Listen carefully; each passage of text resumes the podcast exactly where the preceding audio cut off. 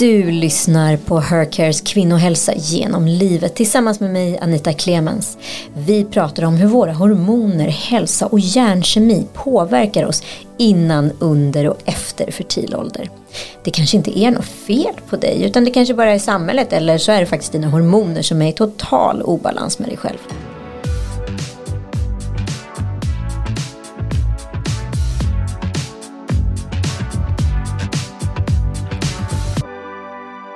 Idag ska vi prata om ett mycket kärt ämne med en kär gäst, nämligen min poddkollega i Lille Lördag, Ann Söderlund. Ni som har lyssnat på den podden vet att Ann är något av en PMS-queen. Men ska man verkligen ha PMS? Det ska vi reda ut idag. Vad säger ni? Antonia Armini och Marcus Mattiasson. Nu åker vi. Yes.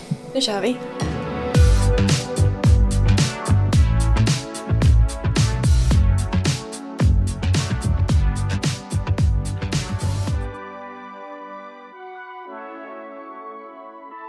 Hej och välkomna igen Marcus och eh, Antonia. Kan inte ni bara berätta vad ni jobbar med för våra lyssnare?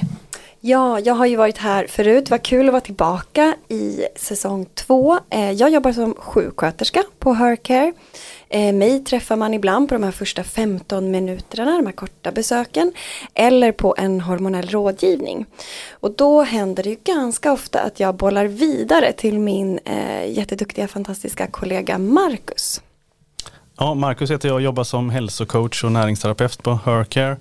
Eh, ja, jag, är väl oftast, jag står väl oftast på kö efter första nybesöket antingen hos en läkare eller sjuksköterska beroende på vad patienten i fråga har för behov. Och eh, ja, med mig arbetar man ju främst med kost och livsstilsfaktorer och sådana saker eh, som komplement till övrig behandling eller vård som vi erbjuder. Någonstans. Jag förstår. Och Ann Söderlund, ska du ta och presentera dig också för nytillkomna lyssnare som kanske inte har en aning om vem du är? Precis, förutom att jag då eh, är eh, en PMS-häxa enligt Anita och min man så jobbar jag, eh, jag har två podcast, en med Anita och en med Sanna Lundell. Jag är journalist, författare, jobbar på tv ibland och ja, allmän livskonstnär tror jag att jag är. Ja, det är det. Jag har fem barn, en man, ett ex Ja. ja. Det är ungefär som det ska se ut. Ja. Det är mycket män i ditt liv kan vi i alla fall konstatera. Ja, mycket liksom, manliga hormoner. Och eh, ja, man får stå lite tillbaka. Därför tror jag ändå att det är bra det här med PMS. Det fanns en idé bakom att vi ibland ska ryta ifrån. Mm. Men om vi då tar det medicinska direkt här. Vad är PMS? Mm, PMS betyder, eller står då för eh, premenstruellt syndrom. Och det är alltså då före mensen syndrom. Och ett syndrom betyder ju att man har flera symptom som pekar mot samma rotorsak. Sen finns det också det här som heter PMDS och det är ju dysforiskt, alltså svår PMS kan man säga. Ja, vad är det för någonting? Det är ju, vi ser det ju som en hormonell obalans. Ehm, så alltså någonting som man inte alltid behöver ha. Och varför får då vissa så kraftig PMS när andra inte får det? Ja, det är ju, det är ju väldigt eh, individuellt rotorsaken oftast bakom en PMS. Det vi ofta ser är att antingen så handlar det om en obalans mellan de två kvinnliga könshormonerna östrogen och progesteron. Då att man oftast har ett lågt progesteron. Eller så kan det vara att man har eh, låga eh, nivåer utav sina signalsubstanser. Så att när de här svängningarna sker efter ägglossning och innan menstruationen, ja men då blir det, då blir det lågt med eh, framförallt då serotonin och GABA. Och vissa påverkas då helt enkelt mer utav det än andra. Ja, vad säger du Marcus? Ja, alltså det är högst individuellt hur Alltså, de, dels är det ju högst individuellt vad man har för typer av PMS-symptom och sen är det även individuellt hur det varierar under menscykelns gång. Jag skulle inte nödvändigt, alltså även om man kanske kallar det premenstruellt syndrom så kan man ju även ha diffusa symptom under övriga delar av menscykeln enligt mina erfarenheter om inte annat. Och så är det ju generellt sett, alltså vi är ju högst olika som individer och hur vi upplever olika typer av saker varierar väldigt mycket. Vilket i sin tur då beror på genetiska variationer och miljörelaterade faktorer som påverkas väldigt mycket på olika sätt. Eller man Ann, hur mår du under din PMS? Men jag har tänkt så otroligt mycket på det här för jag fick ju min ADHD-diagnos i våras. Och jag har flera kompisar som har fått det då lite äldre, inte kanske 10 eller 20 utan plus 40.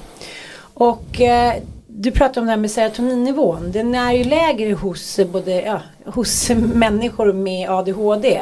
Så jag kan ändå känna att jag tycker att det har blivit bättre sen jag började äta medicin.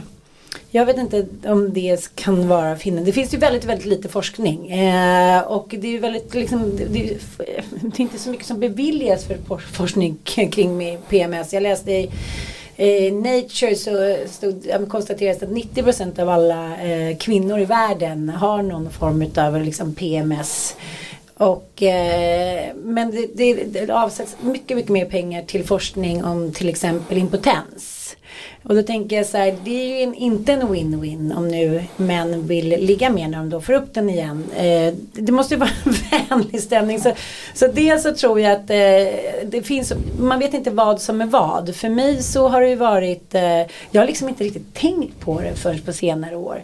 Man har småbarn, man är gravid, man tänker att det ska gå upp och ner, men man hinner liksom inte riktigt tänka. Men eh, det som slår mig är att det också förändras lite i karaktär. När jag var yngre hade jag väldigt ont till exempel. Blev ledsen, ville vara för mig själv. Nu är det lite mer utåtriktat.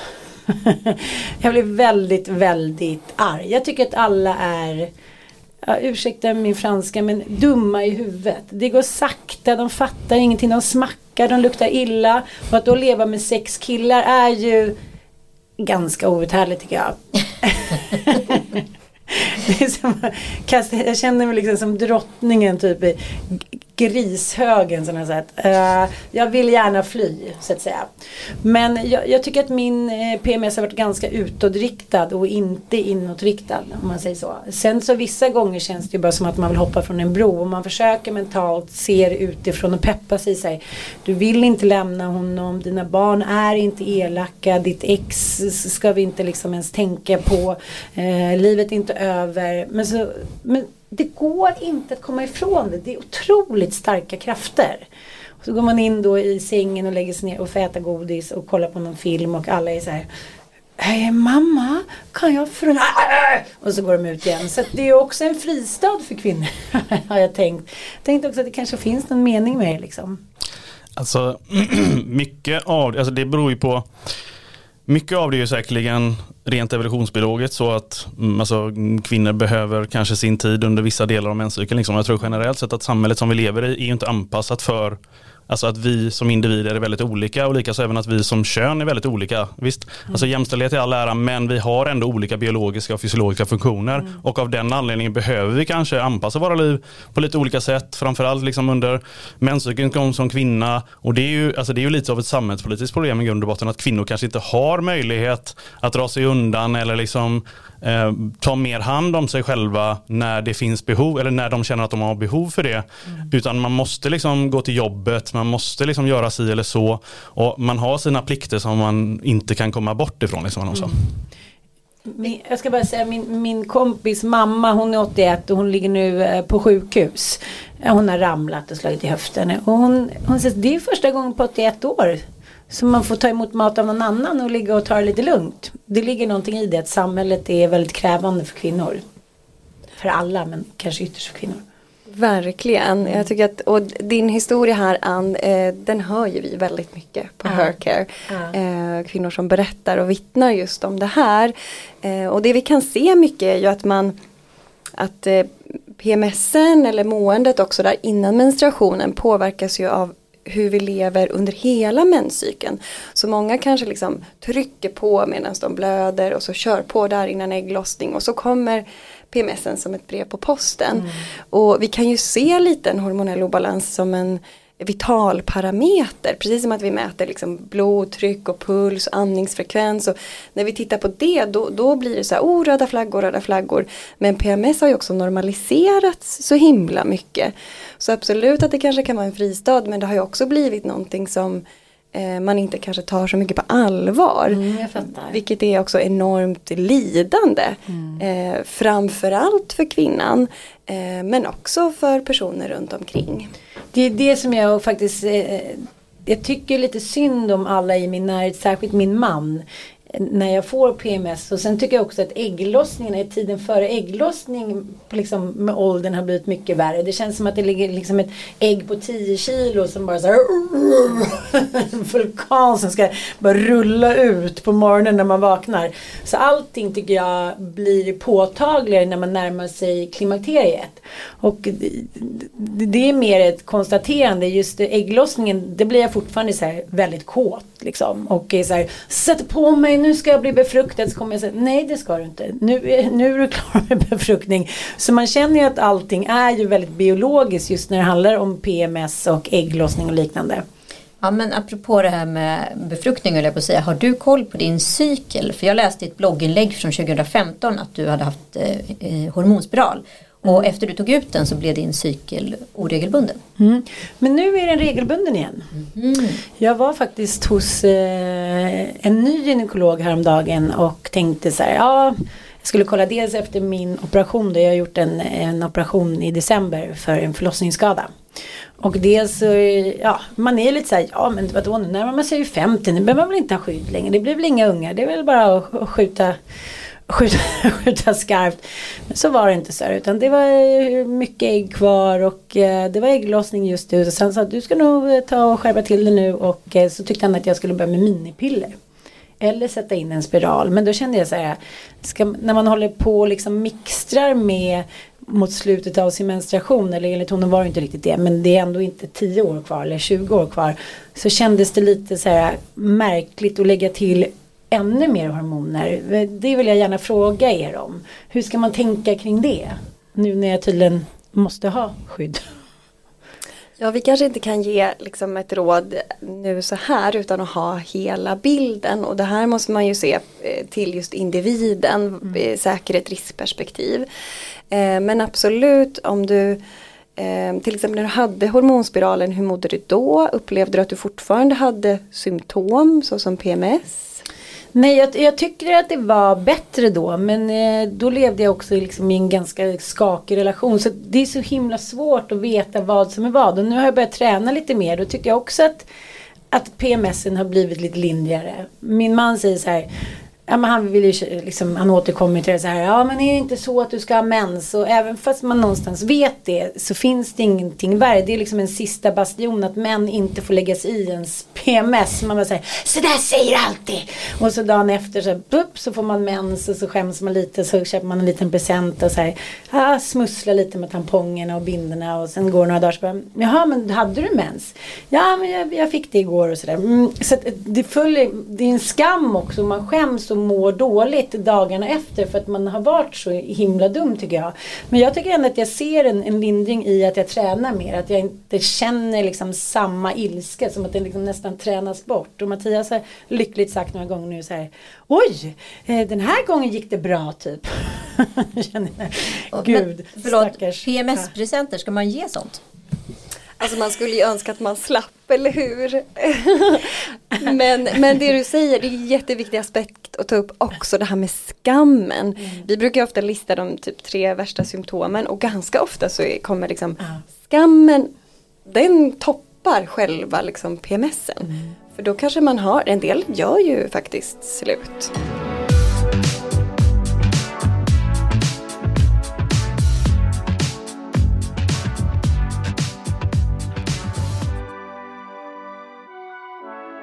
Och vad säger du Marcus angående träning som Ann precis plockade upp? Som jag ser det så handlar det ju mångt och mycket om att få utlopp kanske för, för sina stresshormoner eller vad det än må vara.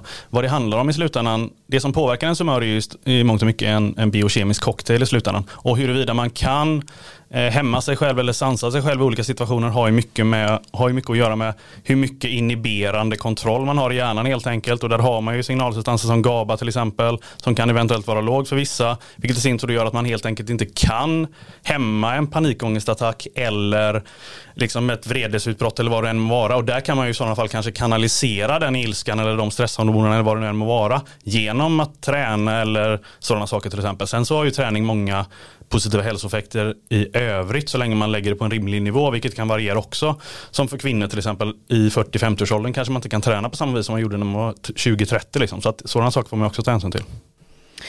Men jag var på en, en, en tjejfest i lördags och så sa en av mina kompisar, hon är tio år yngre än jag, så sa hon så här Nej men gud, nu har jag börjat äta då eh, medicin för eh, PMS. Jag frågade inte vad det var, om det var antidepressiv. Jag är inte så himla kunnig på det där. Men hon sa det, det är både för och nackdelar sa hon. För innan så hade jag ju alltid några dagar där när jag kunde liksom bråka med min man och så här, be honom steppa upp och liksom att det på något sätt att det, att det var okej okay att den barriären revs ner. Då sa hon någonting också som jag tyckte var lite sorgligt. Hon sa så här ja, jag hade druckit några glas champagne då. Att jag trodde att jag skulle vara president i USA om jag inte hade haft PMS. För henne har det påverkat hennes självkänsla, hennes självförtroende. Eh, tron att hon är värd mer, hennes relationer har påverkats av det. Hon har tyckt så här, ja, ja, han var otrogen nu men det är väl inte så konstigt så som jag är sådär. Och eh, hon sa, jag har också vänt allt inåt. Det har blivit mycket självhat och jag är så dålig. Hon har liksom aldrig kopplat det till sitt PMS. Och nu när hon är 39 och har börjat käka medicin så är det så här Jaha, dels vad tog min galna personlighet vägen och dels wow, fan vad bra jag är. Och att hon då har börjat ställa lite mer krav men det är svårare att komma till skott eftersom hon inte har sin liksom, sina aggressiva tre, fyra dagar. Så det där tyckte jag var lite intressant eftersom jag själv inte har vänt inåt. På, att det har påverkat så mycket av hennes liv. Allt från att söka jobb till att vara tillsammans med fel killar. Och nu är det lite så här, ja nu har hon tre barn och tycker att det är då, ja här sitter jag nu då. Nu när jag var så himla bra. It's never too late no, to become the president. Nej men jag tänker ju att, eh, och det är just det vi tog upp, att många tänker att det är så här det ska vara. Och så mm. väntar man och väntar man och väntar man och så väntar man och så söker man hjälp tills man inte står ut eller tills man liksom är helt desperat. Eh, och eh, givetvis ser vi att, att det kan förvärras med åren också när man blir äldre och kanske går in i ett förklimakterium eller i ett klimakterium. Eh, just eh, medicinering så för PMS är ingenting som vi främst jobbar med på Hercare. Mm. Utan vi vill ju gärna gå till rotorsaken. Vi vill veta, okej okay, men är du svullen i kroppen kroppen? Blir, kan du inte ta av dig bhn på natten för att brösten har blivit så ömma och stora? Eller är det att du är så arg så du vill liksom inte kan kontrollera dig? Vi vill se de här symptomen och vi vill gå till rotorsaken. Varför man just har dem. Och vad gör man då? då? Jag tänkte jag checkar på alla tre. Du checkar på alla tre. jag fick inte ens på mig ringen. Så, ah, ah. Mm, men den här svullenheten om man börjar med den, den ser vi oftast kopplad till en östrogen eh, dominans, alltså där östrogenet blir kraftigare än progesteronet. Vi ska ju ha vårt progesteron och det ska vara också vätskedrivande. Eh, så då vill man ju korrigera den. Mm. Som sagt, eh, jag brukar ju skicka mina patienter vidare till Marcus eh, för att där kan man ju jobba just med kosten till exempel. Vill du säga någonting om, om det Marcus? Ja, alltså rent kostmässigt sett, det finns ju grundprinciper som jag tänker att man, man utgår ifrån. Sen kan det variera lite eh, från person till person hur man väljer att lägga upp kosten. Och det beror ju helt, alltså det, dels baserar ju det på vad blodproverna visar. Om man eventuellt har tecken på, på någon form av problem med blod, blodsockerreglering och sådana saker, då kanske jag eh, mer fokuserar på att man vill reducera sitt kolhydratsintag eller på något vis liksom anpassa eh, kosten på så vis för att förbättra helt enkelt sin metabola hälsa. Först och främst med tanke på att om man har alltså problem med sin blodsockerreglering så kommer även det bidra till, dels kan det bidra till att man kvarhåller vätska i kroppen med tanke på att ja, insulin bidrar till att man kvarhåller natrium som i sin tur bidrar till att man kvarhåller vätska till exempel och sen så binder även kolhydrater vätska, ja typ mm, 4 gram vätska per gram kolhydrater eller någonting sånt. Eh, så att bara det Vad i sig. Vad betyder det rent eh, om man översätter det till kost? vad det betyder är, Nej, inte nödvändigtvis, men vad det betyder är ju helt enkelt att man vill, om man har problem med sin blodsockerreglering så skulle jag fokusera på att få ordning på det. Det kan ju även handla om andra typer av saker, alltså man kan ju kvarhålla vätska av olika anledningar. Dels då på grund av hormonella rubbningar, eh, vilket man också givetvis vill åtgärda. Men varför kan man mörda för en seg råtta där eh, dagarna Det är verkligen den känslan. Alltså Troligtvis har det väl att göra då med, alltså det är ju grund och botten ett fysiologiskt begär att din kropp helt enkelt behöver åtgärda någonting, vare sig det liksom har någonting med hormoner att göra eller har med signalstanser att göra. Oftast är det ju, om vi pratar om, du liksom pratar om ADHD tidigare, det här med, och då, det handlar ju mycket om ja, dopamin till exempel. Om man har fluktuationer i dopamin, det lättaste sättet för att få upp sina dopaminnivåer är ju liksom att äta någonting sött. Man kan även ha fluktuationer i serotoninnivåer vilket i sin tur också kan bidra till ökat sötsug och sådana saker. Så oftast är det kanske ett fysiologiskt begär i grund och botten snarare än bara ett sötsug som man kanske lite slentrianmässigt slänger sig med som, som någon typ av skam, skamset. Liksom. Nej, jag känner ingen skam. Jag bara tycker att det är så påtagligt. Lika, som, likadant som att känslan kan bli när man har ägglossning. Att så här, ja, men, eh, gör mig gravid eller dra typ. Så är det, samma, det, det är samma fysiologiska känsla fast man översätter det till ett sötsug.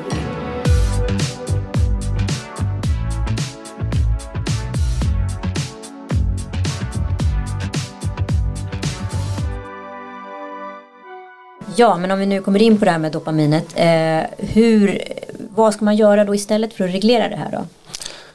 Alltså det första jag skulle göra i sådana fall det är ju, alltså dels kan det ju vara ett vanemässigt om inte annat blivit ett vanemässigt beteende så man kanske behöver liksom bryta vanan att alltid sträcka sig efter någonting sött. Sen skulle jag inte nödvändigtvis säga att det är hela världen om man äter en bit choklad eller vad det än må vara. Liksom. Alltså ibland så tycker jag folk kan gå till överdrift här med att man måste liksom undvika socker eh, vad det än må vara. Liksom. Det är inte hela världen om man tar en bit godis någon gång ibland. Liksom. Eh, men utöver det så skulle jag ju kanske ja, först och främst fokusera på att hålla ett lite högre proteinintag med tanke på att det är aminosyror från protein, specifikt tyrosin i det här fallet, som är förstadiet till dopamin. Så genom att hålla ett lite högre proteinintag kommer det bidra till att man har helt enkelt fler, mer byggstenar till att bilda dopamin.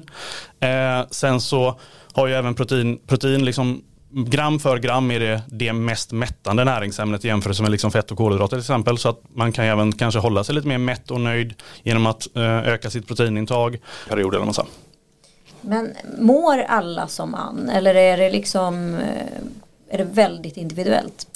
Jo men det är väldigt individuellt. Det är inte alla som har eh, PMS och framförallt så är det inte alla under alla tider av livet eller under alla faser. Det här kan liksom växla och för en del eh, hade man det väldigt tidigt i livet när man liksom kom in i puberteten och sen så försvann det. Och för andra så är det att man debuterar, ja oftast där kring förklimakteriet brukar ju många vittna om de här olika symptomen.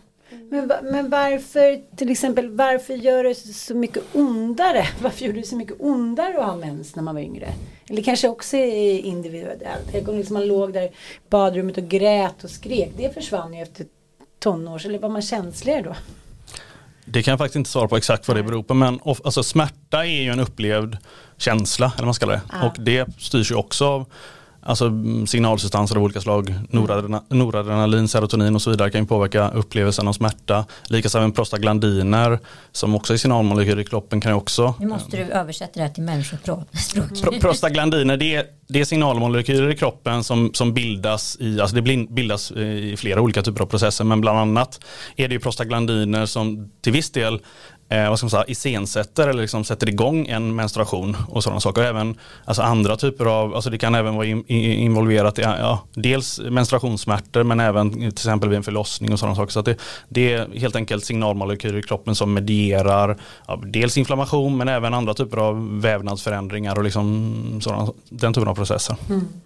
Varför pratas det så lite om eh, klimakteriet och hormoner och liksom, det är nästan på ett skamsätt att man säger man vill ha kvar sin mens så länge som möjligt för då är man fortfarande liksom kvinna och snygg och det pratas mycket om så här när man är av med sin mens då, då, liksom, då blir man grå och skröplig och bla bla. Jag tycker att det finns så mycket föreställningar om liksom PMS och mens och skam kring det. Jag tycker det är så konstigt när det är 2022. Jag tror att det här med psykisk ohälsa också. Jag läste en avhandling för några veckor sedan som, som också tar upp det. Att kvinnor plus 40, barnen blir lite större, man kanske har gjort sin liksom värsta karriärrace. Vem ska nu finnas till här för? Det är 70% av alla kvinnor får ju någon form av både existentiell depression men också hormonell depression. Men det, allting buntas ihop på något sätt. Och jag har kompisar som liksom har sagt jag vill dö, jag kan inte göra mitt jobb längre, det är över, ligger och gråter. Man säger, ja du kanske är i klimakteriet. Va? Alltså äh, det, det, finns otroligt mycket okunskap där. Det är så onödigt mycket lidande tycker jag. Är det någonting ni märker av? Att jag har skickat flera kvinnor till er att det finns någon skam kring att inte liksom eh, känna sig tipptopp som kvinna i vårt land. Ja men absolut, det här tänker jag är på en, en högre samhällsnivå som du mm. lyfter nu. Mm, mm. Att vi verkligen, eh, den äldre kvinnan har inte en plats, eh, hon är, är man inte ett sexobjekt längre så är man liksom heller inte värd lika mycket. Eh, det jag kan se när jag träffar patienter är att de tycker att det är så otroligt skönt att prata om det här. Det är lite som att komma ut ur klimakteriegarderoben eller PMS Eh, Eh, garderoben och vi sätter faktiskt ord på saker och vi ger förklaringar till att det är som det är. Och sen kan ju många uppleva istället då när de eh, kommer in i klimakteriet och man haft en jätte jättesvår PMS. Mm. Att det, då kan det ju vara ganska skönt för dem att sluta cykla. Precis som att har man jättesvår PMS så kan det vara skönt att bli gravid. För då har man inte heller den här äh, förändringen. Mm, Vad gillade jag, du det? Jag, jag älskar att vara gravid. Jag tänkte på det här om dagen när vi höra att jag hade så många ägg kvar. Jag var så här, nej men nu blir jag gravid igen. Det är perfekt, då blir jag liksom lite lugnare. För under graviditet och liksom under amning, det är därför jag ammat så länge också tror jag. Då känner jag mig otroligt harmonisk. Som en ko. Är det för att dina nivåer då är väldigt eh, liksom jämna? Alltså Anita, du får ju komma och jobba hos oss snart. Du börjar ju bli expert. Ja, men när man är gravid då är ju östrogen och progesteron skyhögt hos mm. kvinnan. Eh, och att ja, de svänger inte på samma sätt. Så det är höga stabila hormoner det mår vi bra av. Det som är intressant är att de kvinnor som jag vet som mår bäst under så här mens och ägglossning och så, de har oftast jätteproblematiska graviditeter. Så det verkar ju verkligen vara antingen eller. Mm -hmm.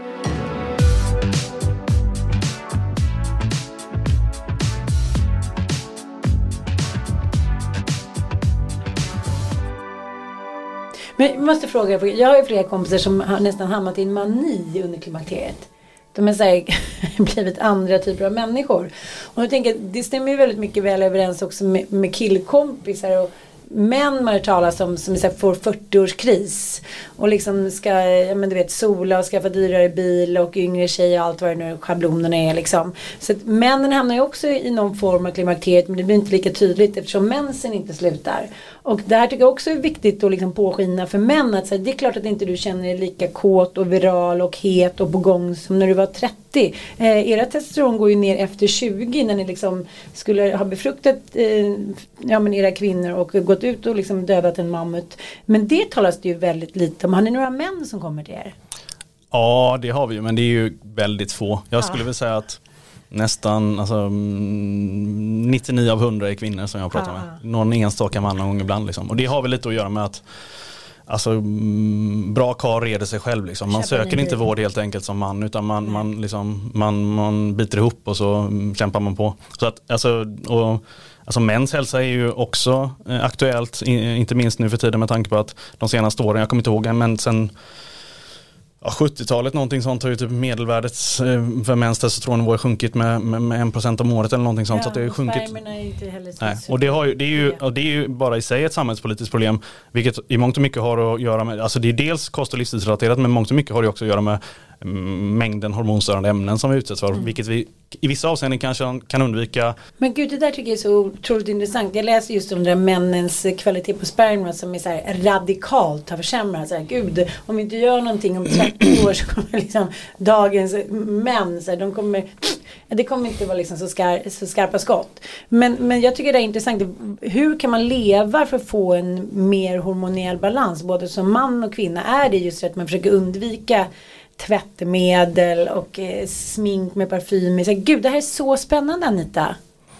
Alltså det skulle jag ju säga, det skulle jag ju nog i slutändan ändå säga är, är kanske eh, toppen av pyramiden. Det finns ju mycket mer man kanske behöver fokusera på först och främst snarare än att alltså, undvika um, hormonstörande ämnen i kosmetika, skönhetsprodukter och mm. hushållskemikalier och sådana saker. Det första jag skulle fokusera på är ju att alltså, man har en hanterbar livssituation och att ens vardag är alltså inte nödvändigtvis stressfri, det är omöjligt, men att man ändå har en hanterbar livssituation och att man inte har allt för mycket stress i vardagen med tanke på att det i sig kommer ju eh, påverka ens hormoner på ett negativt sätt. Och utöver det så skulle jag se till att man har, alltså mm, sköter kosten, liksom, att man har mm, en grundläggande näringsstatus som, som tillåter kroppen att fungera som den ska.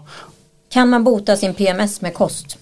Jag skulle inte nödvändigtvis säga att man kan bota sin PMS med kost, men om inte annat kan man ju lindra ens besvär och symptom. Eh, och sen är det ju ett spektrumtillstånd som vilket annat eh, på så vis att det är olika hur svåra besvär man har och vad som fungerar för att lindra dem för, för eh, olika individer. Sen så finns det ju, alltså grundprinciperna är de samma men detaljerna kan, kan skilja sig åt.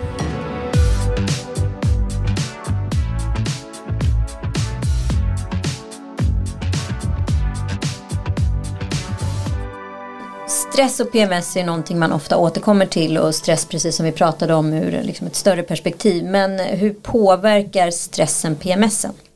Man kan ju tänka så här att om, om vi stressar väldigt mycket då kommer ju kroppen behöva få tillgång till stresshormoner. Alltså då behöver den det för att man ska kunna mobilisera sig och ta sig ur den här eventuella faran. Och då kommer kroppen prioritera att skapa stresshormoner framför könshormoner. Så att eh, substrat, alltså det som är, kommer före själva hormonet i sig, det går till stresshormoner istället för könshormoner. Men gud, vi är så körda. Ja, men jag, jag känner så här, det talas ju en del om stress. Det tyckte jag att det var lite på modet för några år sedan. Men nu är det som att det liksom har halkat ner i källan lite. Eh, att det går så otroligt mycket hand i hand. Men eh, ja, intressant. Det, är väldigt få i, liksom, i ens umgängeskrets och de man känner eller i den kapitalistiska världen som inte lever under stress. Liksom. Tror ni att så här, PMS är någonting som också har blivit värre för kvinnor i ett modernt samhälle?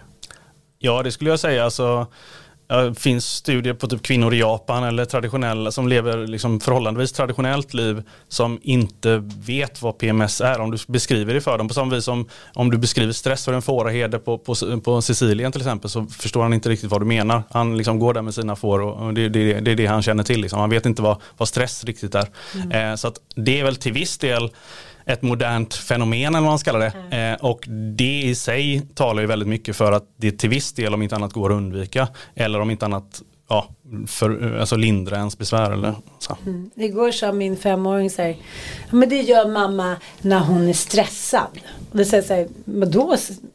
Fem, vad, vad menar du? Han sa något roligt. Jag sa, då tar hon fram eller något sånt där. Och så min 20-åring var så här, Va? Men stressa, vad är det för ord? Ja, hon gör det när hon är stressad. Okej, okay. eh, jag tänker att man är så här, det där är sånt som bara vuxna ser. Det är inte vanliga. Man brukar sippra. Men har du hittat någon strategi för din PMS? Mycket mycket dålig på det. Mycket dålig på strategier. Dels skriver jag inte upp utan jag blir liksom tagen på eh, bassängen, på sängen varje gång. Och så tänkte jag att jag eh, satt på en annan middag och satt två killar och pratade om. Den ena var väldigt insatt i sin frus eh, PMS.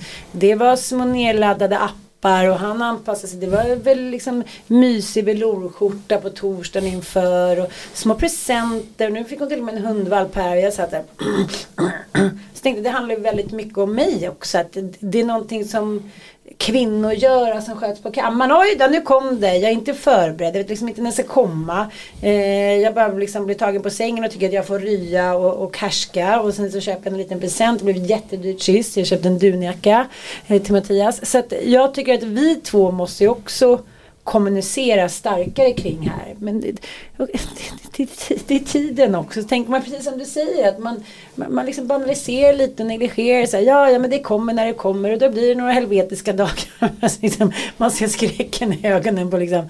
Men det är så, jag, jag tänker nu som till exempel, nu sitter jag här. Nu har liksom min man ringt två gånger. En av mina söner fyra gånger, en andra av mina söner två gånger. Det är också svårt det här med, med, med liksom kvinna och man, hur vi ska eh, förstå varandras stress. De tycker så här, en mamma ska alltid finnas där.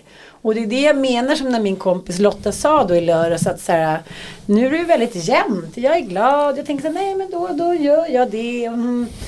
Men jag, jag, jag tyckte det var också någonting eh, Martha Nussbaum är ju en av eh, världens mest liksom, eh, ja, renommerade filosofer. Hon, hela hennes tes gick ut på att ilskan var då liksom grunden till utveckling och eh, förändring. Och så, så hade hon forskat på det i 30 år och liksom skrivit 10 böcker. Och så, så sa hon i intervjuer så här.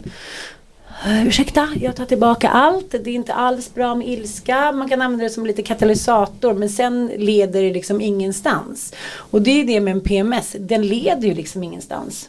Det är det som också är jävligt sorgligt. Jag har ju kompisar som har PMS två liksom, veckor i månaden. Hur borde män agera då när kvinnor har PMS? Vad tycker ni experter? Ja, alltså det är ju fint att se om man kan hjälpa till och stödja. Och man kan också... Flanellskjorta. Flanellskjorta.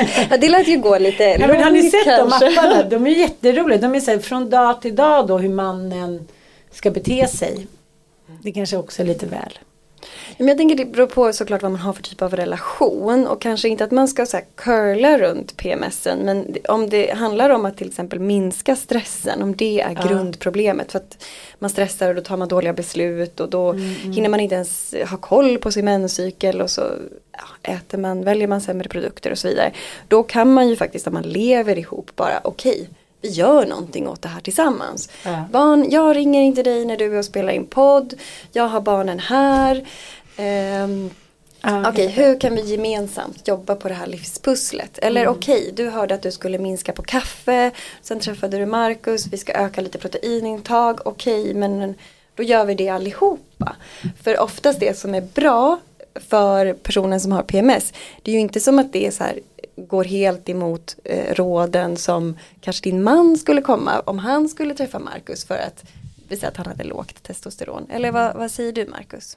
Nej, som sagt var grundprinciperna är ju de samma mer eller mindre för, för, för alla skulle jag säga. Sen så finns det ju detaljer och nyanser kanske som man varierar från person till person. Men det handlar ju mångt och mycket om att Alltså, mm, det svåra som man som själv har en flick, flickvän med, med förhållandevis svår PMDS det är ju att oh, alltså det spelar ju egentligen ingen roll vad man säger i vissa Du avseenden. pratar Man, för en vän eller? Ja, precis. Det- det spelar ingen roll vad man säger ibland utan det kan fortfarande misstolkas eller övertolkas. Liksom. Så det är väldigt svårt och där får man väl som, alltså, ah, jag brukar, alltså jag brukar inte, alltså jag är ganska lugn av mig så sätt så för, mig, för, mig på, för min del påverkar det mig inte så mycket men, men jag tror det är svårt ibland också, alltså, även om man pratar om saker och ting i, i förväg och försöker planera hur man ska hantera det på olika typer av sätt så är det inte alltid lätt heller Framförallt mm, när, alltså, om man då som kvinna, alltså, ibland är det helt enkelt svårt att, att kontrollera sig och det är svårt, alltså, ja, det, det, mm, jag, tror det, det, jag tror inte man kan komma bort från det helt och hållet. Liksom. Jag tror man, man, man får på något vis försöka hantera det på bästa möjliga sätt. Men det hjälper ju absolut inte att liksom stå och skrika mm, på varandra. Alltså.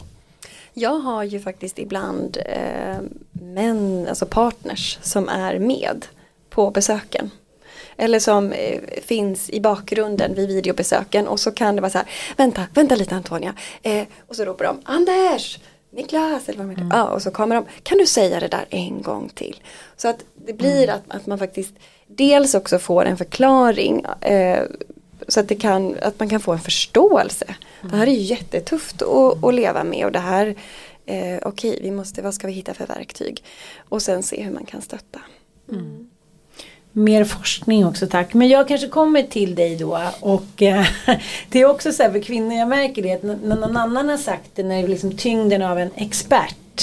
Då är mina pojkar och män väldigt så här, ja okej då, då blir det så, då ska, då ska vi lyssna. Men, men om, om det kommer från mig, när det är så här, okej så fem minuter senare så här, varför jag hittar inte väskan? Och så här, ja vi bestämde att vi inte skulle göra så här, det är hormonerna. De är så unga. Ja, men det är väl lätt att det går överstyr och sen så är man på dåligt humör så triggar man sin partner och sen så kommer det där eh, smädan som har PMS eller har Ja men vi skrattar ju åt det nu men när det sker så, så nu har ju inte jag liksom i flera veckor men jag, vi har ju gemensam kompis vars man har liksom köpt en typ krigsoverall. Att så när han märker att det är på gång då är det så här okej han ger sig typ bokstavligen ut i skogen och hon sitter där så här varför går du? Och så känner hon sig övergiven och liksom det psykologiska i det här vad det kan ställa till med och han kan vara bortrest och hon ringer sig och svarar han inte så får hon panik. Och vem är han? säger, Jag är ute i skidspåret med Glenn och Krudutt liksom. Ha? Inga tjejer med då? Nej, jag vet inte, kanske fyra mil härifrån. Vi är uppe på en bergstopp så här. Jag ska det, det är liksom surrealistiskt för den som får liksom vara mottagare. Men för den, vi har ju pratat om det, det är som en film. Man bara säger, vad är den där idioten som skriver de här replikerna till mig? För de är dåliga och inte sanna. Och ändå så hör man sig själv så här, nästan som att man är liksom exorcisten.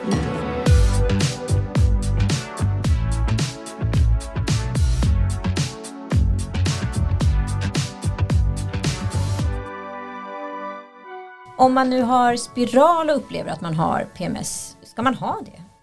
Alltså när man har en spiral så den spiralen är ju ofta, det är ofta en hormonspiral som innehåller syntetiska gestagener och det har ju inte riktigt samma kroppslig effekt eller kroppslig verkan. Alltså det har ju en, främst en lokal effekt, det har inte så mycket systemisk effekt för det i sin tur då gör att man får ju inte liksom den effekten som man är ute efter eh, med bioidentiskt progesteron eller naturligt progesteron vilket i sin tur då kan göra att man kanske har PMS eh, i samband med att man eh, har en hormonspiral. Och det man kan testa i sådana fall, och det är ju, det, men det, det är ju i slutändan eh, patientens val eh, att göra. Att, att liksom välja att ta ut den och se om det blir bättre eventuellt om man får igång sin naturliga menscykel eller om man eventuellt liksom använder progesteron för den sakens skull. Eh, men det är inte nödvändigtvis som så. Sen beror det också lite på varför man har en hormonspiral. Om man har en hormonspiral på grund av kraftiga blödningar, ja, då är det ju alltid, det är ju alltid ett avvägande som vilket annat. Liksom. Och som jag ser det så alltså, man ska använda de verktyg, verktyg, som finns att tillgå och sen får man helt enkelt hitta det som funkar för en själv. Och om man använder en hormonspiral i ett visst syfte så kanske det är bra för den sakens skull men det kanske inte är bra för andra saker till exempel. Jag förstår. Men eh, om man nu mår extremt dåligt under sin PMS, går det verkligen att bara gå till kosten eller måste man ta, vidta liksom kraftigare åtgärder? Jag tycker att det beror på verkligen vad man, alltså att om man hittar sin pusselbit. Är det stressen främst? Är det kosten? Är det sömnen jag måste jobba med eller har jag liksom en PTSD från en jättedålig relation eller har jag svårt att hantera känslor? Hur lång tid har ni? Marcus. Eh, det, där, det är som du säger att det är så svårt för man vet inte riktigt vad det är. Som min kompis då som när vi satt och pratade om så kom hon på det att hennes mamma hade eh, ganska ofta under uppväxten när hon och hennes eh, bror hade varit eh, olydiga eh, packat väskan och eh, sagt så här nu åker jag. Och sen så hade hon kommit tillbaka några timmar senare och då visste ju inte de så kommer hon komma tillbaka och sådär. Så där blev ju också en traumatisk att när, när hennes man då är såhär jag, jag klarar inte det här, jag klarar inte det här nu, nu har jag pågått liksom en vecka, jag, jag, jag tar en promenad, jag går ut i skogen. då blir det ju en blandning av den här traumatiska, hon blir övergiven, bla bla bla, ålder, hormoner. Ja, det är liksom väldigt svårt och ni kan väl hjälpa till att reda ut det här kan jag tänka. Men vi försöker kartlägga och se. Och sen kan det ju kännas lite övermäktigt ibland. Så här, oh my god, jag, har, jag hade tio pusselbitar och inte ah, en som ah. behövde liksom ligga på plats. Mm. Och då får man ju oftast börja någonstans. Mm, mm. Och ibland handlar det om väldigt små förändringar som kan leda till någonting väldigt stort. Flytta till Mallis till exempel. För i värmen, på sommaren har inte jag alls samma PMS. När det är varmt och lugnt inom situationstecken. När man säger går omkring och liksom är lite allmänt gladare. Då, då försvinner det lite in i det. Vi inte kan helt, ju inte tyvärr helt. inte förskriva Mallis men det hade ju varit väldigt, väldigt härligt om, om vi kunde det. Om vi ska... Solsemester. Precis.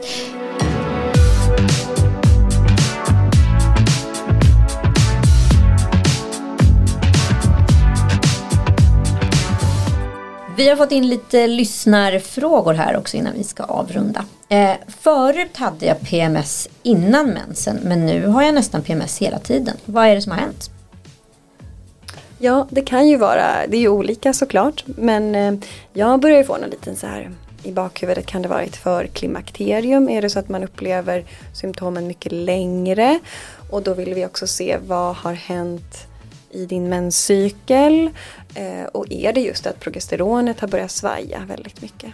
Vad tänker du när du hör den frågan? Jag tänker ju, ja, dels det du nämner och sen ska det ju sägas alltså, det börjar ju ske hormonella förändringar någonstans i 30-35-årsåldern. Både för män och kvinnor det kan ske tidigare än så men någonstans mellan 35 till 50-årsåldern så sjunker ju i genomsnitt kanske östrogenet med cirka 35% medan progesteronet sjunker med upp mot 75%. Så att bara det i sig liksom skapar ett ofördelaktigt förhållande mellan Eh, östrogen till progesteron, vilket i sin tur då är en, en stor bidragande faktor till PMS i sig. Liksom. Så det har ju säkerligen kanske, det kanske bara är en naturlig del av åldrandet. Och då får man ju dels fokusera på grundprinciperna som vi har pratat om, men likaså även kanske eventuellt behöver man kompletterande stöd för att eh, bli av med sina besvär.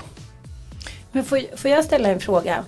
Eh, någonting som du sällan pratar om också är att det är ganska ärftligt tycker jag. Enligt min egna lilla forskningsanalys här på kammaren. När man hamnar i klimakteriet. Jag har kompisar, en kompis nu, hon, eh, hon är 41. Och när hon då separerade för några år sedan så var hon så här, Jeho, nu ska jag ut och ligga och hänga loss. Och var så här, Jaha, jag är 38 och jag är i förklimakteriet. Och det, hennes mamma kom också i förklimakteriet ungefär då. Är det någonting som ni vet någonting om? Att, att det är många som tror så här, men man, man hamnar i klimakteriet mellan 45 och 50. Det tycker jag verkar vara någon så här förutfattad liksom, me mening att så är det bara. Men det kan ju ske vid 53 eller vid 27 som för cancer till exempel. Vad beror det på? Vet man det? Ja, det är säkerligen delvis genetiskt betingat givetvis. Mm. Alltså det, så är det ju med allting annat. Även om inte det är den kanske avgörande faktorn. Eller ja, i det här fallet kanske det är en stor liksom, bidragande faktor till när man hamnar i klimakteriet. Men sen så är det ju högst individuellt. Alltså det finns ju de som i undantagsfall kanske hamnar i klimakteriet i liksom tidiga 30-årsåldern eller däromkring.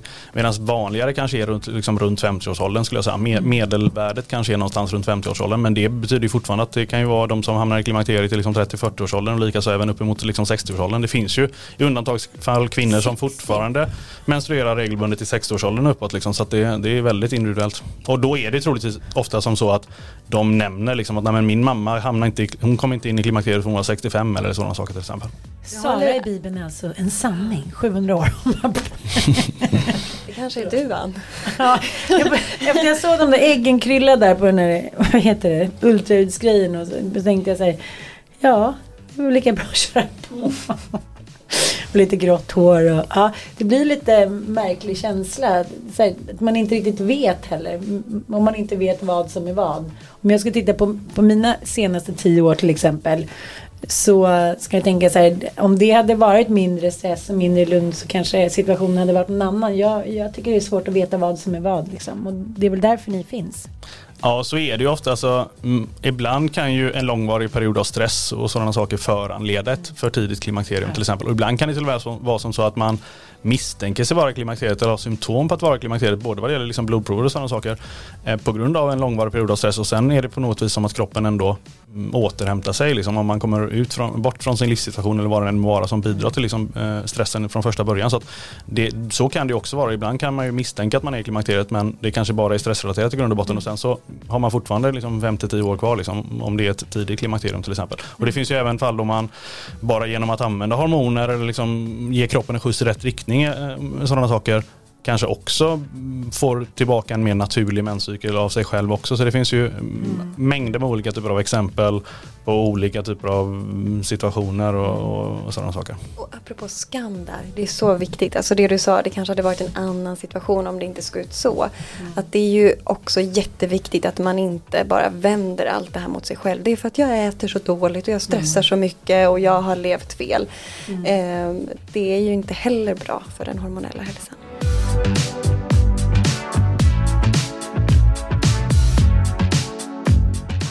Och så sista lyssnarfrågan här. Vi var ju lite inne på det tidigare men finns det manlig PMS?